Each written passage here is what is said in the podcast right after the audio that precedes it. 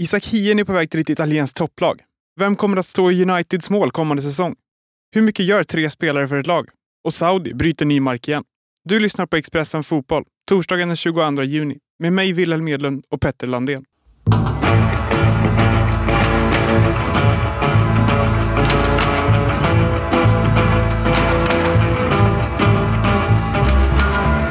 Vi går direkt på det Petter. Vad, eh, vad håller Saudi på med nu då? Ja, men det är så sjukt att det känns som att varje dag när vi planerar den här podden så är det så här, ah, men vi har nyss pratat om Saudi, vi kan liksom inte hålla på och rabbla det igen. Men sen så bryter de ny mark på ett så rasande snabbt sätt att det är liksom svårt att hänga med. Eh, men, men det hetaste som jag tror att väldigt få har undgått är att vi har pratat om Ruben Neves, att den typen av värvning var eh, en ny typ av värvning för de saudiska klubbarna att göra i den här väldigt korta liksom, spannet. Det är som att man ser så här, dinosauriernas livstid i så här superuppspeedad eh, TikTok-video. Eh, men nu är alltså uppgifter på att de kommer låna ut honom till Newcastle. Eh, ett tvåårslån. Och då är vi ju helt plötsligt, då spelar vi ju en helt annan sport. För att då handlar det ju inte bara om att de lockar till sig eh, spelare i, av en kaliber och en ålder som inte är jämförbar med de andra värvningarna de gör, utan då har vi ju det verkliga skräckexemplet av det här multiklubbsägarsystemet som har vuxit i fotbollen de senaste åren. Jättesnabb recap om man mot förmodan inte har koll på det. Eh, Saudis statliga investeringsfond PIF köpte alltså upp Newcastle och det är samma statliga investeringsfond som köpte upp ett antal av de saudiska klubbarna eller finansierar dem. Så genom att betala för Rubenevs till den saudiska ligan och sen låna ut honom till Newcastle så kringgår de det ekonomiska regelsystem som finns eh, i Uefa, alltså den europeiska federationen för fotboll.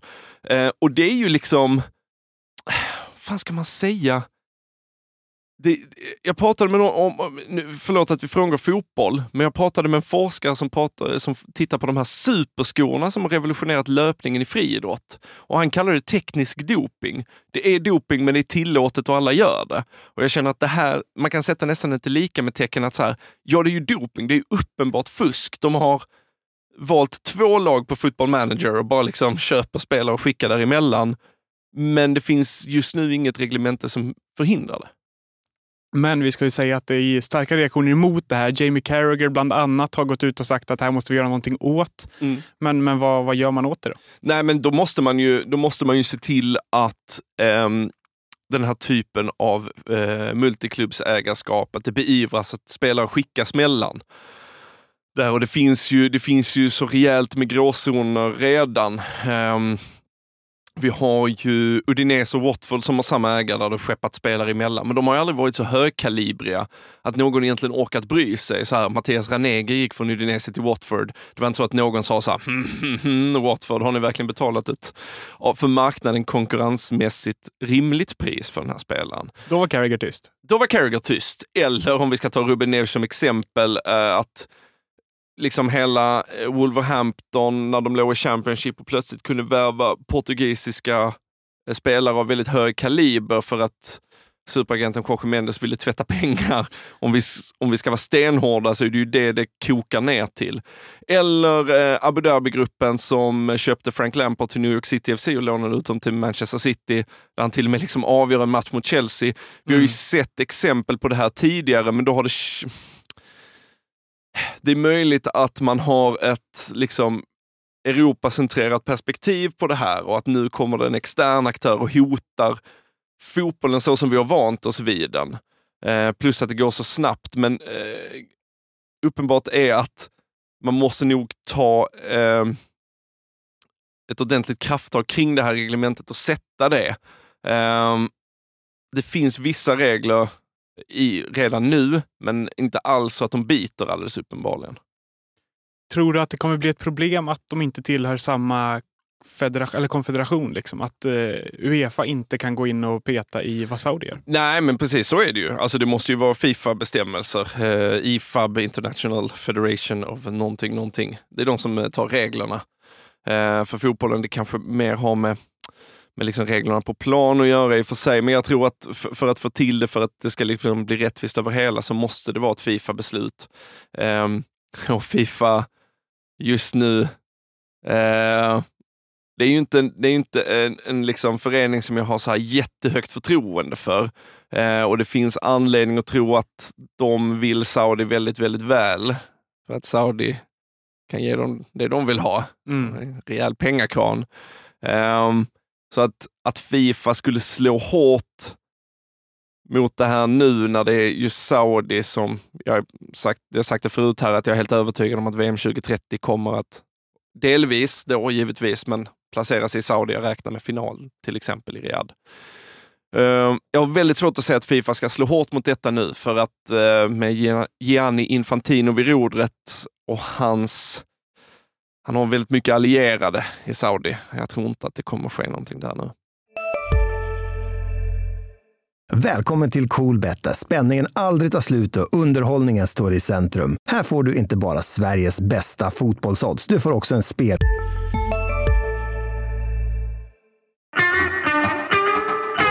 Om man kikar på vad som kan hända då framöver. Mm. Vad, vad kan ske? Är det Premier League som måste gå in och sätta stopp? Eller liksom, det är ju en stor aktör i sammanhanget. Liksom. Ja, alltså, och där ska vi säga faktiskt så här, alltså ska man prata om någon slags fotbollsmässig kolonialism, där rikare klubbar köper upp liksom spelare från mindre rika länder och så vidare, så är ju Premier League de som ska hålla tyst längst.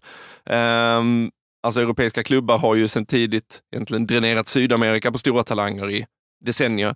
Uh, och Premier League har senaste decenniet kanske eh, i takt med att tv-pengarna har skjutit i höjden kunnat ta de bästa spelarna och de bästa tränarna eh, från andra ligor. Om det inte är absoluta toppskiktet. Absolut Bayern eller Real Madrid kan givetvis stå emot, men det är liksom ingen slump att det är just ett Premier League-lag i Bournemouth som kan plocka Iraola eh, från, eh, nu ska vi säga Rayo Vallecano. Eh, för att det, alltså Bournemouth är ju liksom en nedflyttningskandidat som tar en av Spaniens hetaste tränarämnen. Alltså där kan vi prata om den ojämlikheten. Och nu kommer Saudi och erbjuder pengar som trumfar Premier Leagues. Och det är klart att Premier League-lagen blir svettiga. Men de har väldigt lite mandat kan jag tycka i den frågan. För att de, det är ju bara att de har mött en större fisk i sjön så att säga. Men just Ehm, det uppenbara för, eh, kringgåendet av det ekonomiska reglementet, att bara liksom fuska i broad daylight, det, det måste man nog göra någonting åt för att man inte ska tappa det lilla förtroende för den moderna fotbollen man har kvar. Så ska jag säga. Exakt vad? Alltså, det kan ju säga, eh, stoppa det här. Multiklubbsägarskap kan vi inte ha, eller det får inte finnas övergångar mellan de här klubbarna. Eh, om vi ska behålla den integritet som finns kvar. Men, men att, att det kommer en aktör som spenderar stora pengar, ja, det, jag har väldigt svårt för Premier League-tårarna i det avseendet. Och eh, det får nog vara nog om Saudi för idag, va? eller vad säger du? Vi återkommer varje dag de kommande två månaderna. kan vi lova. På svenska fronten då, om man ser till transfermarknaden. Mm. Isak Hien ryktas vara på väg till Atalanta. Bara där har vi någonting eh, roligt. Ja, gud. Atalanta är ju liksom, det är ju progressivt, det är kul, det är ett lag som, som är annorlunda. Uh, och det har ju uppenbart varit en väldigt, väldigt, väldigt bra plantskola. Uh, där många spelare liksom har kommit fram och, och, tagit kliv i sin karriär. Vi kan titta på den danske superanfallstalangen Rasmus Höjlund som som gick från relativ obskuritet i liksom FCK där han inte riktigt fick plats till att bli nästa Erling Haaland i Atalanta. Givetvis skillnad på mittback och anfallare, men, men det känns som ett jäkla spännande steg för Hien att ta. Eh, och det har ju gått snabbt i hans karriär egentligen. Eh, men det känns som att varje steg han tar är precis rätt steg upp. Nu, liksom så här, med all respekt till Atalanta, som givetvis är en, en ganska stor klubb, så är det inte liksom Juventus, Milan, Inter. Det är inte det steget riktigt än. Jag tror det här är precis rätt för att sen kunna ta nästa. Um, det är glädjande också ur ett svenskt landslagsperspektiv där vi har färre spelare som får många minuter i de riktigt stora klubbarna. Uh, att Hien egentligen sällar sig till skaran av uh, de spelare som spelar i de bättre klubbarna är väldigt glädjande.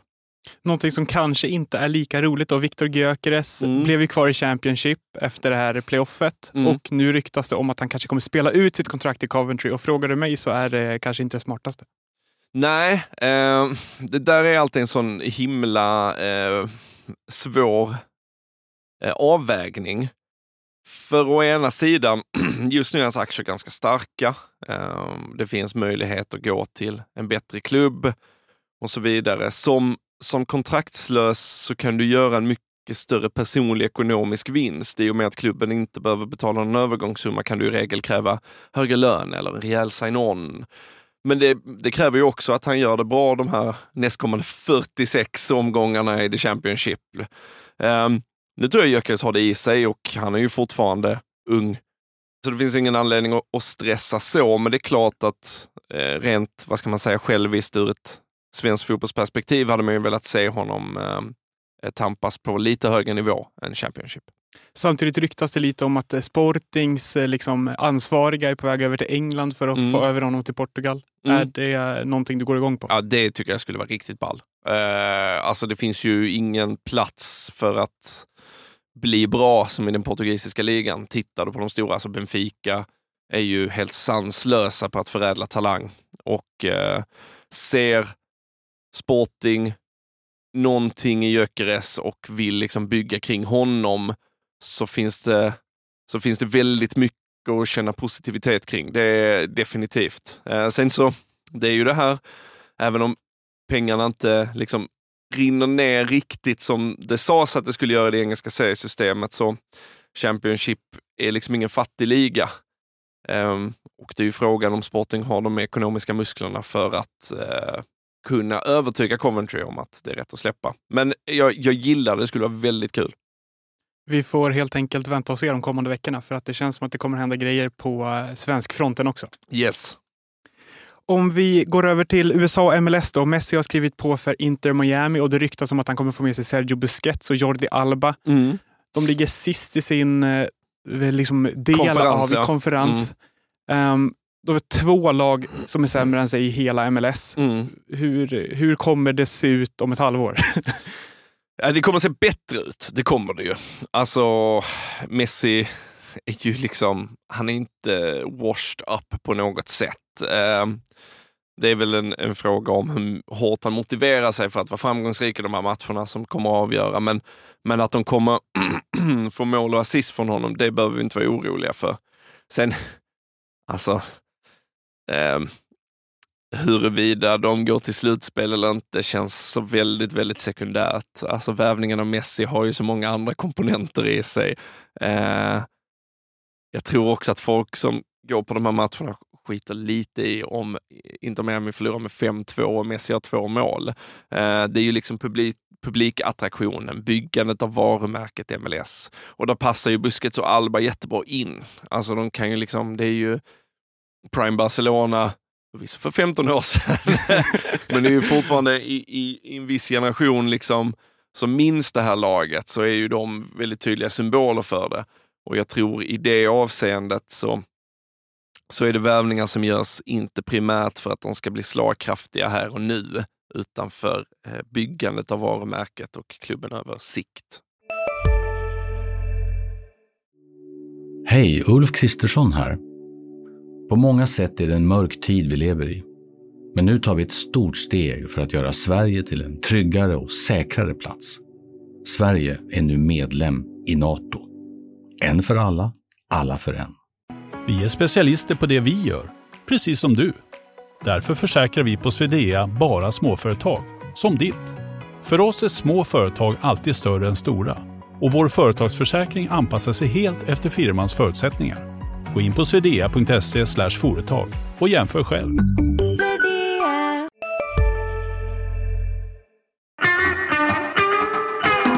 United, Manchester. Mm. De... Väldigt förtjust att du sa det som Bond, James Bond. Bra, fortsätt. Kom på att det kunde varit eh, Newcastle. Men mm. Manchester United har ju ryktats vara ute efter en målvakt mm. och eh, Raja har varit ett alternativ nu i Brentford. Vad, vad är nytt där? Ja, det ryktas ju att eh, David Raja, va? Ja, tror, ja, jag tror det. Eh, man ska inte vittna med sin okunskap på så här sätt. Eh, men eh, sägs vara på väg till Spurs, som också söker ny målvakt där. Hugo Lloris har tackat för sig, eller ska tacka för sig. Bör ha tackat för sig. Det är din åsikt, men jag håller med. eh, eh, och eh, då, då, då, befinner sig United i en lite, lite prekär situation. David Gea, som på något outgrundligt sett vann Golden Glove för flest hållna nollor den gångna säsongen. Eh, inte enbart tack vare honom själv, vill jag säga. Eh, det känns lite som att han har passerat sin topp för ett par år sedan och nu även inte riktigt har förtroende från varken supportrar eller klubbledning. Um, Erik Ten Hag, United-tränaren, vill ha en mer bollspelande eh, Ederson, Allison, osande målvakt. Eh, och Raja passar ju rätt bra in i den bilden. Eh, så för United är det ju trubbel om de behöver förlita sig på de Gea ett år till. Eh, Dean Henderson, som fortfarande tillhör klubben, eh, är ju inte helt nöjd med hur det blev och att han skeppades till Nottingham där han sen petades av Keylor Navas. Det är stökigt, stökigt, stökigt. Um, går Röja till Tottenham, vilket jag tror det känns som en helt rimlig värvning om pengarna finns där, så, så tror jag United går väldigt hårt för Onana, eh, Inters Champions League-finalmålvakt, eh, kamerunsk landslagsman. Eh, men då kommer det kosta. Det kommer kosta rejält eh, och det kanske tar pengar från andra eh, eventuella förbättringsområden. De behöver ju en anfallare också. Eh, jag vet inte, eh, United har kanske agerat lite saktfärdigt här just för att situationen med de Gea inte är helt utredd. Eh, men där, där gäller det att vara osentimental, va? döda sina gamla darlings och plocka Onana. Du, liten grej. Vet du vilken sång Ajax-fansen sjöng när Onana värmde upp? Onana. What's, my What's name? my name? Mm, väldigt, väldigt bra. Har man hört. Mm. Expressen Fotboll är tillbaka imorgon, då med Anel Avdic. Glad midsommar säger vi imorgon.